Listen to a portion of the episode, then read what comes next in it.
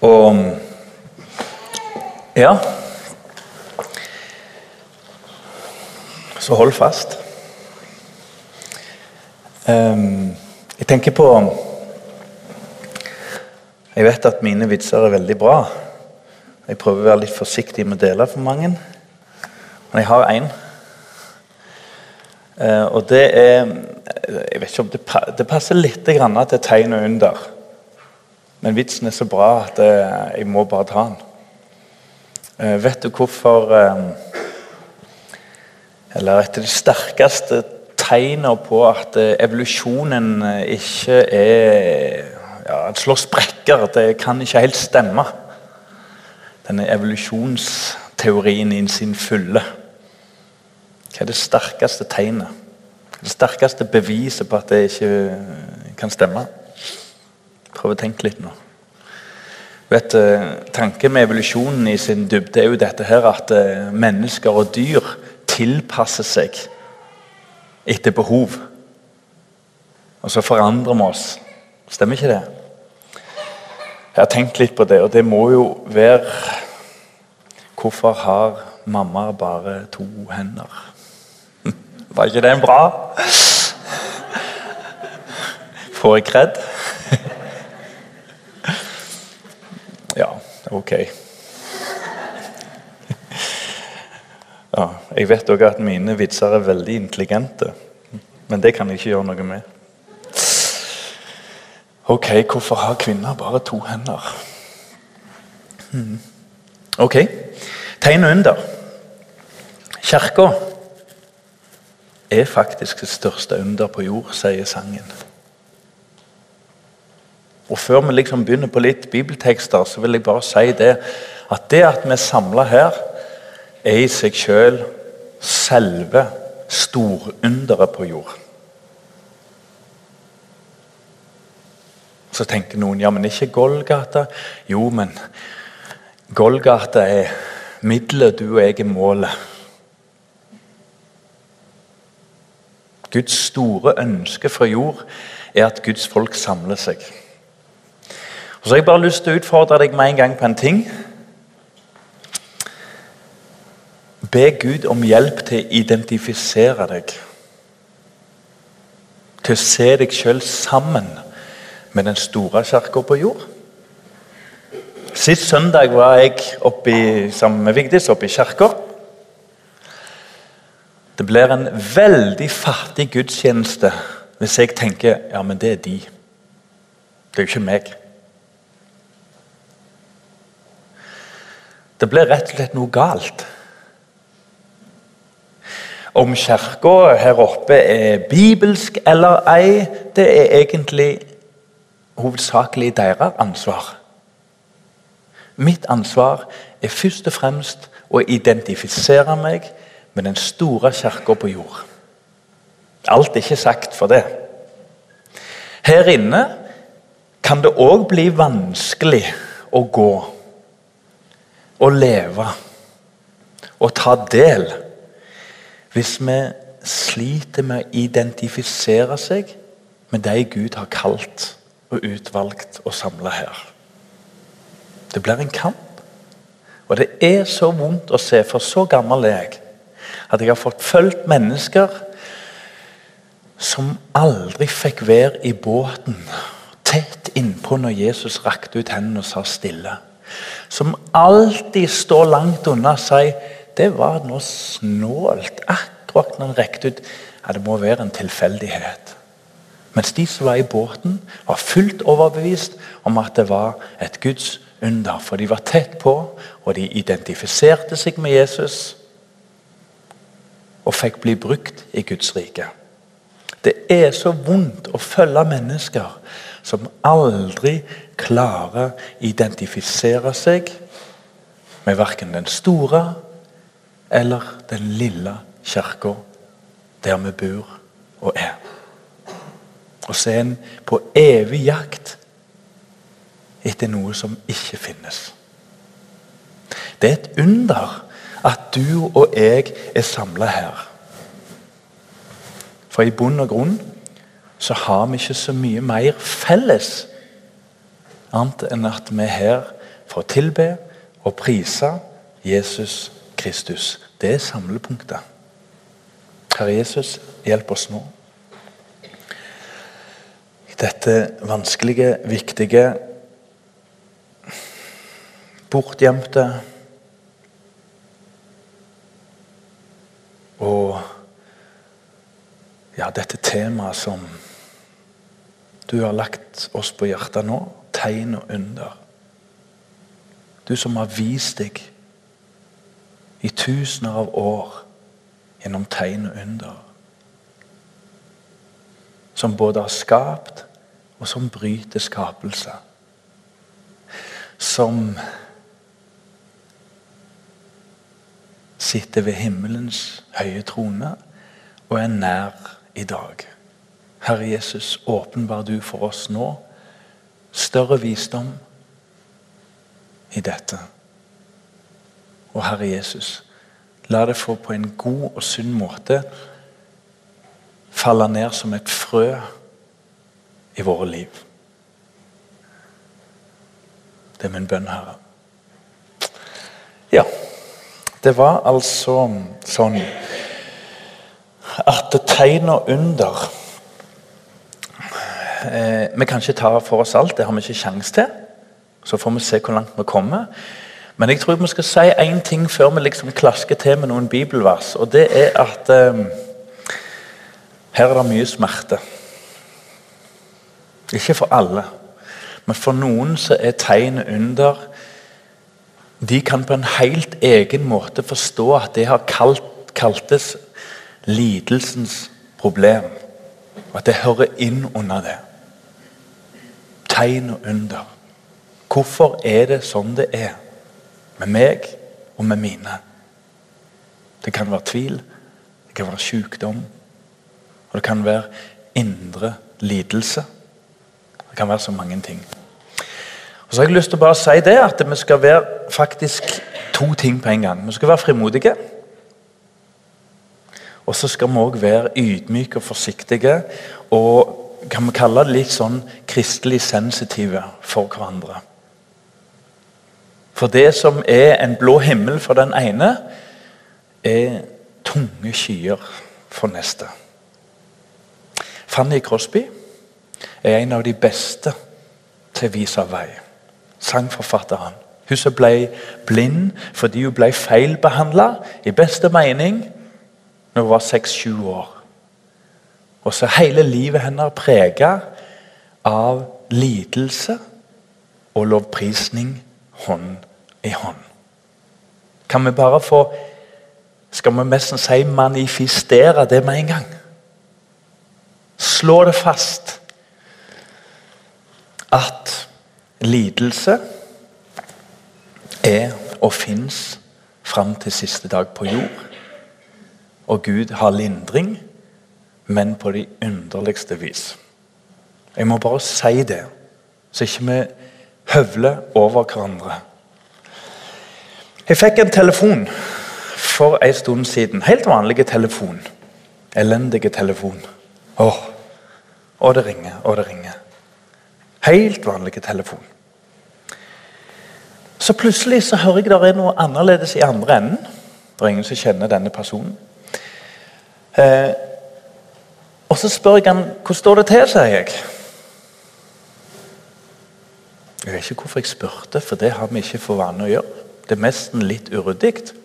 Hvordan står det til? Og så svarer personen Jo, eh, det går veldig bra, og på det åndelige, sier han.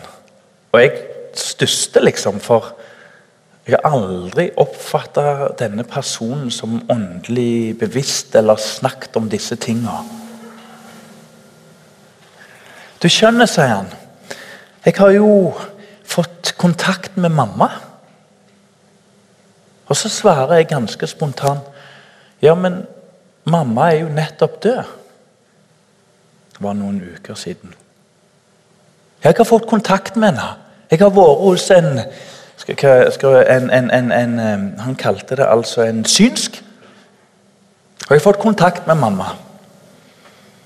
Så slår det ned meg hva som skjer. Hva som skjer i Rogaland. Denne personen jobber med mange kristne. Rett rundt seg. Nabokontor. Hva som skjer? Sjamaner, åndemannere, synske, healere har mange steder, midt i bibelbeltet, overtatt rollen kristne har hatt i hundrevis av år. Ja.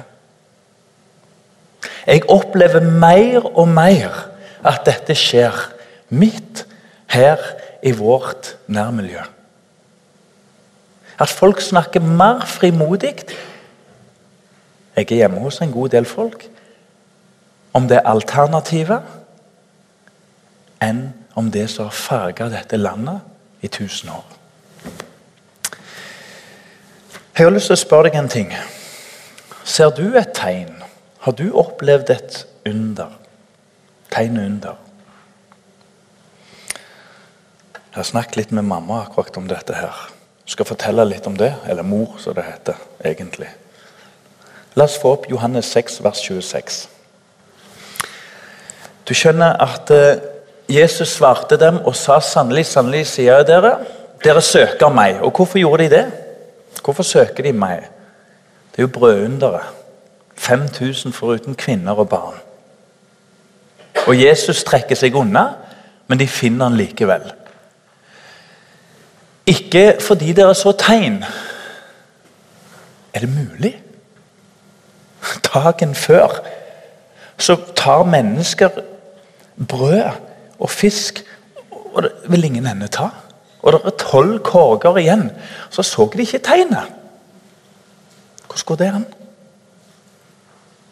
Men Jesus sier det rett ut. Dere søker meg. Ikke fordi dere så tegn, for på et vis så, så de det. Men det de så aller mest, men fordi dere spiste av brødene og ble mette, så ynkelig et menneske er. Og det var ikke én, men det var hele flokkens ånd var prega Har du mer brød? Og Så sier Jesus etterpå at mennesket lever ikke av brød alene. sier han. Men at hvert ord som kommer fra Herrens munn. Vet du hva? Det er faktisk vanskelig å snakke om tegn og under i Nord-Europa spesielt. For det er vanskelig å slippe til med mette mager. Materialismen og ismene sitter så sterkt her at det er mange misjonærer som kommer hjem og finner en trist situasjon. Er det sånn det står til i mitt eget land?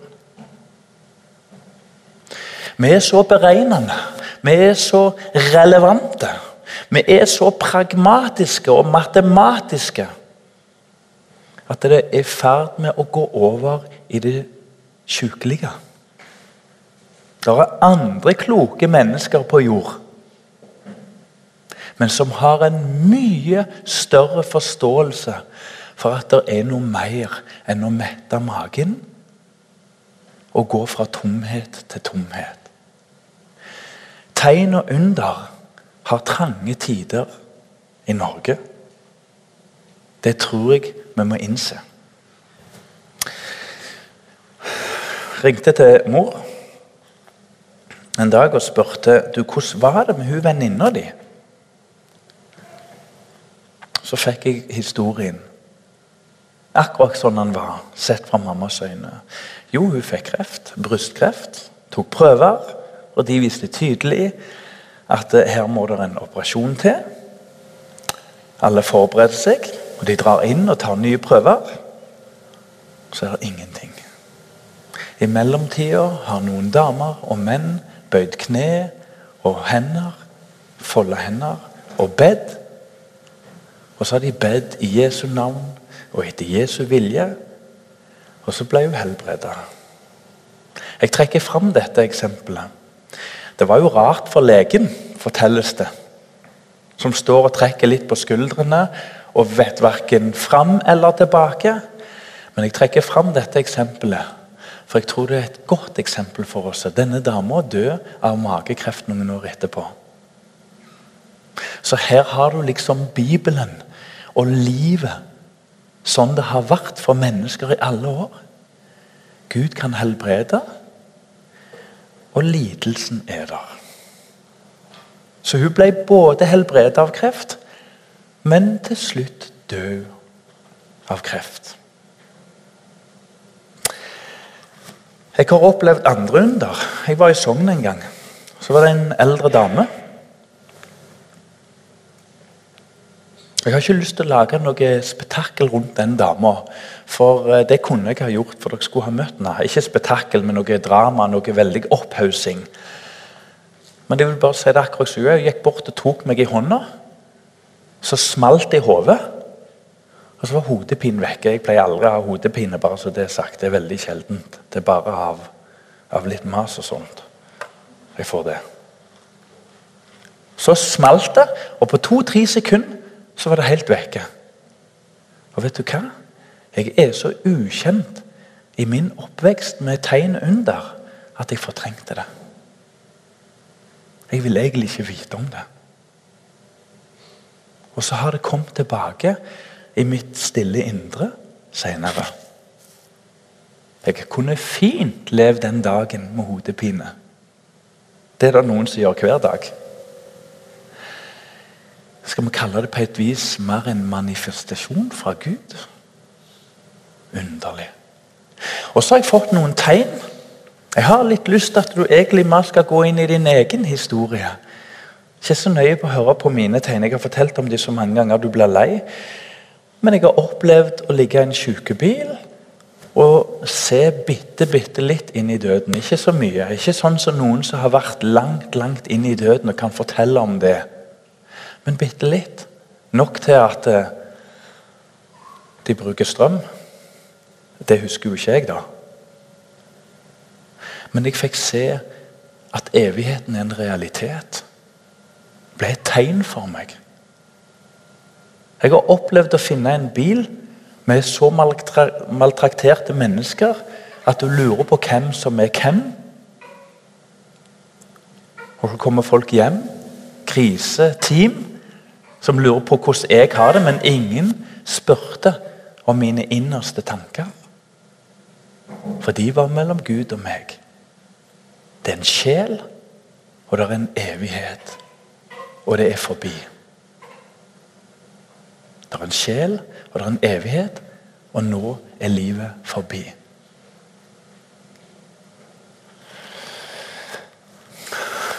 Slettes ikke et under alt annet enn et under. Han dør jo, begge to, til slutt. Men for meg et sterkt tegn. Et gudsnærvær midt oppi det tragiske. Hva er tegn og under i Bibelen? Det er så mange ting. Det er åndsutdrivelse. Og det må ikke vi bli sjokka av. Hvis Guds ånd bor i oss, så bor det vel andre ånder òg rundt forbi på jord. Manifestasjoner. For eksempel ja, kan vi kalle det det, når eh, Gidon er i tvil om hva han skal gjøre, og et brødstykke triller ned en bakke, treffer et telt, og teltet velter, og han får tro for å gå på Herrens ord. Det var jo bare et brød. Det var jo bare symbolsk. Nei, det var mye mer enn det. Det var Guds budskap og manifestasjon. Straffeunder. Det var jo ikke under, det var jo straffeunder i Egypt. Det var jo ikke noe kjekt. Det var jo katastrofe. Helbredelser. Engler. Nå er ikke engler nødvendigvis tegnet under i seg sjøl, for de er, de er, faktiske skapninger. Men de er ofte knytta til Guds neste tegn under ledelse. Bibelen er et stykke ledelse. De som lot seg lede, de som ikke lot seg lede. Husker du Paulus når han eh, skulle til øst på misjonsreisen og ser over elva? Og Så våkner de i en drøm, og så har en engel sagt du skal gå vest. Og her sitter vi. Og evangeliet kom til Norge tidlig. Tegn og under. Det kan være eh, naturlover som brytes. I Gammeltestamentet er det veldig vanlig. Gud viser seg veldig gjennom med Klippe du som brast for meg, f.eks. Mm. Og visjoner. Og Det står i Bibelen at uh, unge skal ha drømmer, og gamle skal se, se syner, eller motsatt. Ja, så ikke noe nytt. La oss få opp noen bibelvers. Matteus 4 og vers 23. Matteus 4 og vers 23. Eh, Jesus drog omkring i hele Galilea. Han lærte i deres synagoger, forkynte evangeliet om riket og helbredet alle slags sykdommer og plager blant folket. Jesus sjøl levde i og med tegn og under. Kan vi få opp neste vers? Her du, ser du grunnlaget. Det må jo bli Lukas 4, 18. Herrens ånd er over meg. Dette er starten av Jesu tjeneste. Det at Jesus helbredet, var ikke noe han kom på eller slumpa på eller fikk medynk der og da. Her kan du lese hvordan alt starter. Herrens ånd er over meg. Det var når han fikk skriftstedet fra Jesaja, og de ble så sinte på han når de oppdaga hva han egentlig mente. Herrens ånd er over meg, for han har salvet meg til å forkynne evangeliet for fattige. Ja, det, det, det skjønner vi jo. Han har sendt meg for å forkynne for fanger at de skal få frihet. Ja, det må vi ha. Og for, blinde, og for blinde at de skal få syn. Og for det undertrykte fri. Og Så kan du gå hjem og lese videre Jesu egen proklamasjon. Egentlig en profeti der han proklamerer sin egen tjeneste. Et liv i forkynnelse, tegn og under. Så det er Jesus sjøl som står for dette. Ehm, hvis vi får Romerne kapittel 15, vers 18-20, så får vi et veldig spennende vers. Dette er Paulus sin tankegang. og, og Noen teologer har sagt at ja, i, nei, i, i, i apostelgjerningene finner du under, men det er ikke så mye framme i evangeliene. Da tenker jeg ja vel. Jeg leste flere kommentarer i går der en konkluderer. Det er, ikke, det er mest knytta til apostelgjerningene. Ja vel. Se hvordan Paulus tenker og siterer. For jeg vil ikke våge å tale om noe annet enn det som Kristus har utført gjennom meg for å føre hedningen til lydighet. Legg merke til Paulus sin lojalitet og lydighet. Lydighet under Kristus og lydighet under det budskapet han har fått. Tenk på den tida vi lever nå. Reflektert litt over det som kontrast til Paulus, vår store kirkefar. Vår store inspirator, kalt og utvalgt av Gud. Når synd og religiøsitet blir venner, faller kirka venner. Når synd og religiøsitet blir gode venner, faller kirka. Hvordan går det an at synd velsignes av landets i utgangspunktet øverste ledere? Biskoper og prester. Hvordan har vi som gudsfolk klart å sette oss i en situasjon der vi sier det er ok at én prest kommer ene søndagen, og så må vi ransake oss sjøl det er ikke bare en sak for norske prester. En prest kan komme ene søndagen og forkynne at dette er galt. Og Så kommer neste ut fra hans overbevisning og sier dette er ikke bare rett, men du har Guds velsignelse. Hva har skjedd?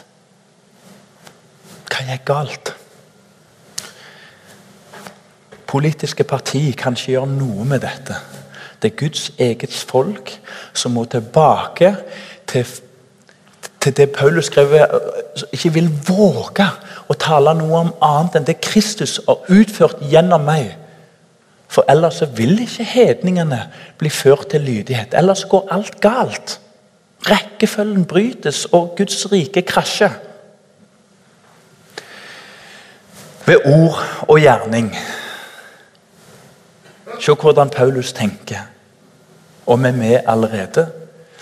Og så kommer det et vanskelig tema for meg. Jeg er med på ord og gjerning fordi vi har jo sagt i Norge troen kommer av forkynnelsen. Og det står der i Bibelen. Troen kommer av forkynnelsen. Forkynnelsen skaper det den nevner. Det er en dyp setning. Forkynnelsen skaper det den nevner. For den som er lydig og tar imot, selvfølgelig. Så jeg er med. Ja da. Ved ord og gjerninger. For vi kan ikke bare stå i nabolaget vårt og snakke om Jesus. Vi må leve ut i Jesu disippelliv. Så blir det vanskelig i vers 19. Ved kraften i tegn og under, ved åndens kraft. Hvor er fokus? Hvor er du, og hvor er jeg? Både i tanken om dette og i livet vårt. Ved kraften, i tegn og under ved åndens kraft. Slik har jeg fullt ut kunngjort Kristi evangelium fra Jerusalem og like rundt i, til Lyria. Men jeg har satt min ære i å forkynne evangeliet der hvor Kristi navn ikke før var nevnt, for at det ikke skulle bygge på en grunnvoll andre har lagt. Jeg har bare lyst til å si til alle her inne som har, er eller er i bønn om å være i kontakt med mennesker som ikke har tatt imot Jesus Gud velsigne deg. Som lar deg bruke der andre mennesker ikke er. Der alt står og faller ved din lydighet og ditt vitnesbyrd og nærvær. Gud velsigne deg. Men jeg har satt min ære i å forkynne evangeliet. Jeg tror at eh, tegn og under er i hvert fall den tradisjonen jeg har vokst opp i, et av de største tabuer. Det er fylt på høyde med materialismen. Det er like, like tabufullt som å si at det er en skam for Guds folk å ha 200-300 kroner i måneden å dele ut til Guds rike. Det er en skam. Men ingen tør si det. Det er tegn på åndsfattigdom, det er tegn på egoisme, det er tegn på at en tror ikke Guds ord og Guds velsignelser. Take it or leave it. Det er tabu. Det viktigste er at vi går ut herfra og er gode venner og hyggelig, og ingen blir trakka på.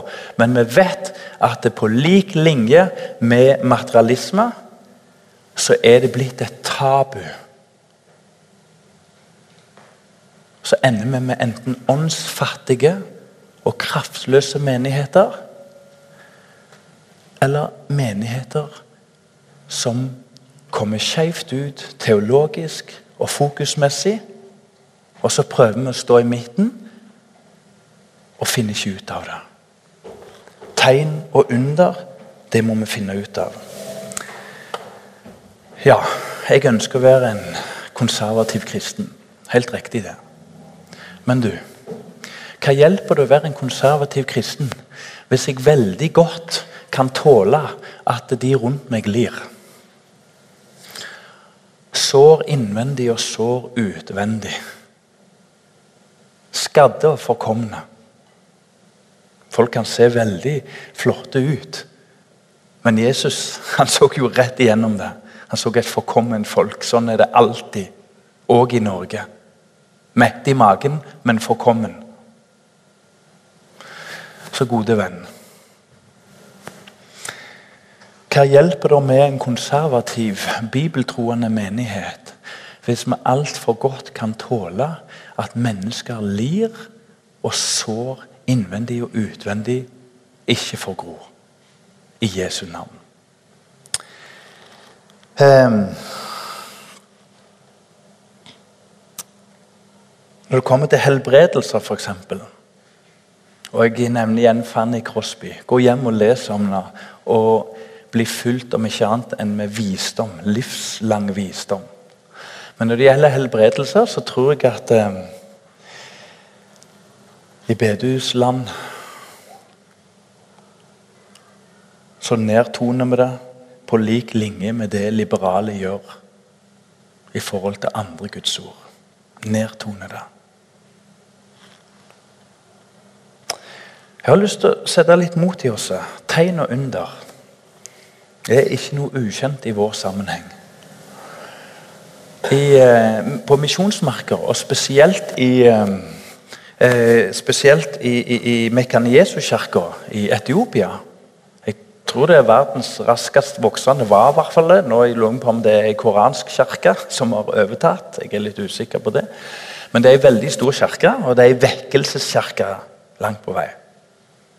Og så var det en misjonær som heter Oskar Nyland, som i 70-åra gikk rundt og, og, gjorde undersøkelser i Mekanesu-kirka og spurte hva var det største kjennetegnet på veksten. Vet du hva han sier? Og Her er det tyske, svenske og norske misjonærer har hatt stor påvirkning. Ja, Det var noen av de første utsendingene. Hør, Helbredelse og utdrivelse av onde ånder var viktigste enkelårsak til kirkens vekst. Midt i NLM sin virkelighet. Helbredelser og utdrivelse av onde ånder. Jeg har fått vært i Afrika en gang. Jeg har fått vært så langt ute at de under 15-16 år Flere av de har ikke møtt hvite. Det trodde jeg ikke kunne skje. Flyet går over. Vi fant en Rimi-pose der, eller Rema. Det hadde de. Men har ikke møtt hvite. Og Så spurte jeg hvorfor en person, ei jente, ikke hadde tenner. Jeg husker ikke om det var oppe eller nede. Jeg har gjerne fortalt det før. Men hvis du får tennene Hva var ungene vanligst? Er det nede eller oppe først? Nede først? Ja. Uansett, hvis det kommer i feil rekkefølge, så tenker en at det er ondskap. Så legger en en rund stein på, så slår en vekk tennene. Du, det er ekkelt. Det er forferdelig. Men det er mye mer forferdelig i den onde ånden som en er egentlig dreven av i gjerningen.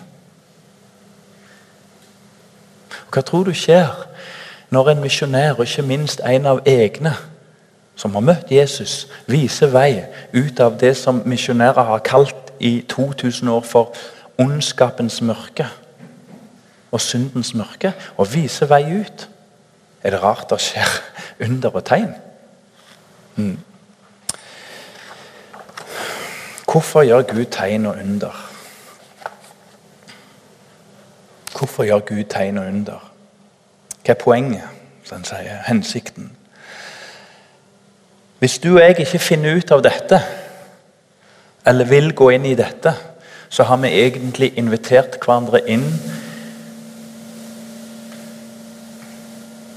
i usikkerhet og vanskeligheter. For det er i fredstid vi bygger de gode tankene og de gode visdommene. Meg og Vigdis tror jeg kan si har vært skåna for mye vondt så langt. Men det kommer. Det er menneskets lodd. Det kommer. Og Da må vi bygge inn de gode tankene i fredstid om enn aldri så vanskelig. Da må vi tørre å spørre oss hvorfor gjør Gud under. Markus 16, vers 17-20. For jeg vil ikke våge om disse tegn skal følge dem som tror. I mitt navn skal de drive ut onde ånder. De skal tale med tunger. De skal ta slanger i hendene. Og om de drikker dødelig gift, skal det ikke skade dem. På syke skal de legge sine hender, og de skal bli helbredet. Og jeg har bare lyst til å si en ting. Når jeg leser sånne tekster, så syns jeg det blir bare vanskelig. Syns det blir bare vanskelig. Kan vi gå videre? Så ble Herren Jesus, etter han hadde talt dette til dem, opptatt til himmelen. Han satte seg ved Guds høyre hånd. Så det var det. Forsvant. Ingen vits i mer. Vi går ut og fisker. Vi gir opp. Nei. Hør hva, hva de får. Men de gikk ut og forkynte overalt. Og Herren virket med og stadfestet ordet ved de tegn som fulgte med. Nummer én. Tegn og under er gitt for å stadfeste Bibelen slå det fast. Sette en sammenheng. Og Det jeg har lyst til å si, det er at eh, Temaet for høsten er jo ferdiglagte gjerninger. Tenk om vi kan få bli et gudsfolk nå her. Som er i den bønnen hver dag. Herre Jesus, vis meg det du har lagt foran føttene mine. Vis meg aksa som står og veier i vinden. Og når det gjelder tegn og under. Og om du skulle stoppe meg og vise meg en vei. En dag banket det en på døra hos meg. To minutter på åtte. Og jeg sier Kan vi snakkes? Jeg skal på fotballtrening.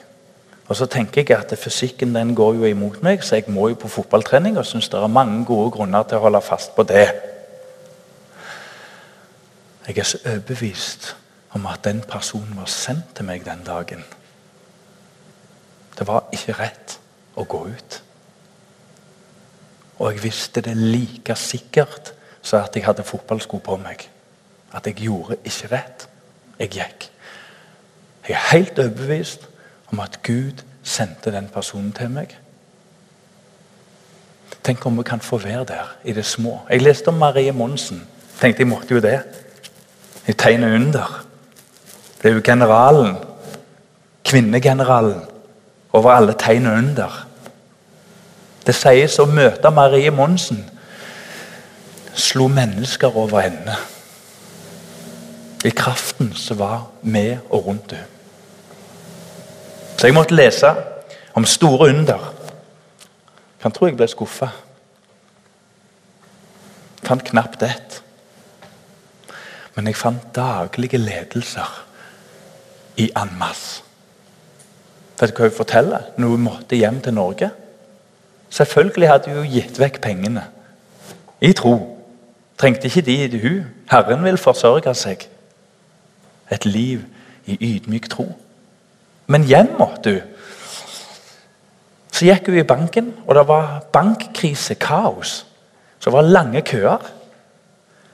Og Grunnen var simpelthen, for hun hadde bare noen få kroner igjen. At det plutselig hun hadde stått i en hel dag i kø. Plutselig så gikk valutaen bare helt til himmels. Når hun kom fram til skranken, så raste han igjen. I tillegg så var det båt. Uh, Boikott på den tida.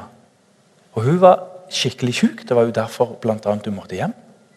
Så hun fikk en suite eller en, en fin kabin. da. Det er ganske tøft å reise fra Kina opp til USA, mellom stasjon og over til Norge. Spesielt når du er sjuk.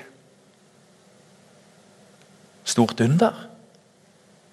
Nei, det kjennetegner på et menneske som jager etter de ferdiglagte gjerninger, og ikke rygger unna for Guds tegn og under. Mhm. Jeg tror hvis vi begynner å lete, så har Gud noen streker og noen tegn hos oss. Jeg tror jeg vil avslutte med eh, Johannes kapittel 20 og vers 30-31. Johannes 20 og vers 30-31. Så Det første er manifestasjoner. Guds ord er sant. Det andre er også mange andre tegn gjorde Jesus for uh, disippelens øyne.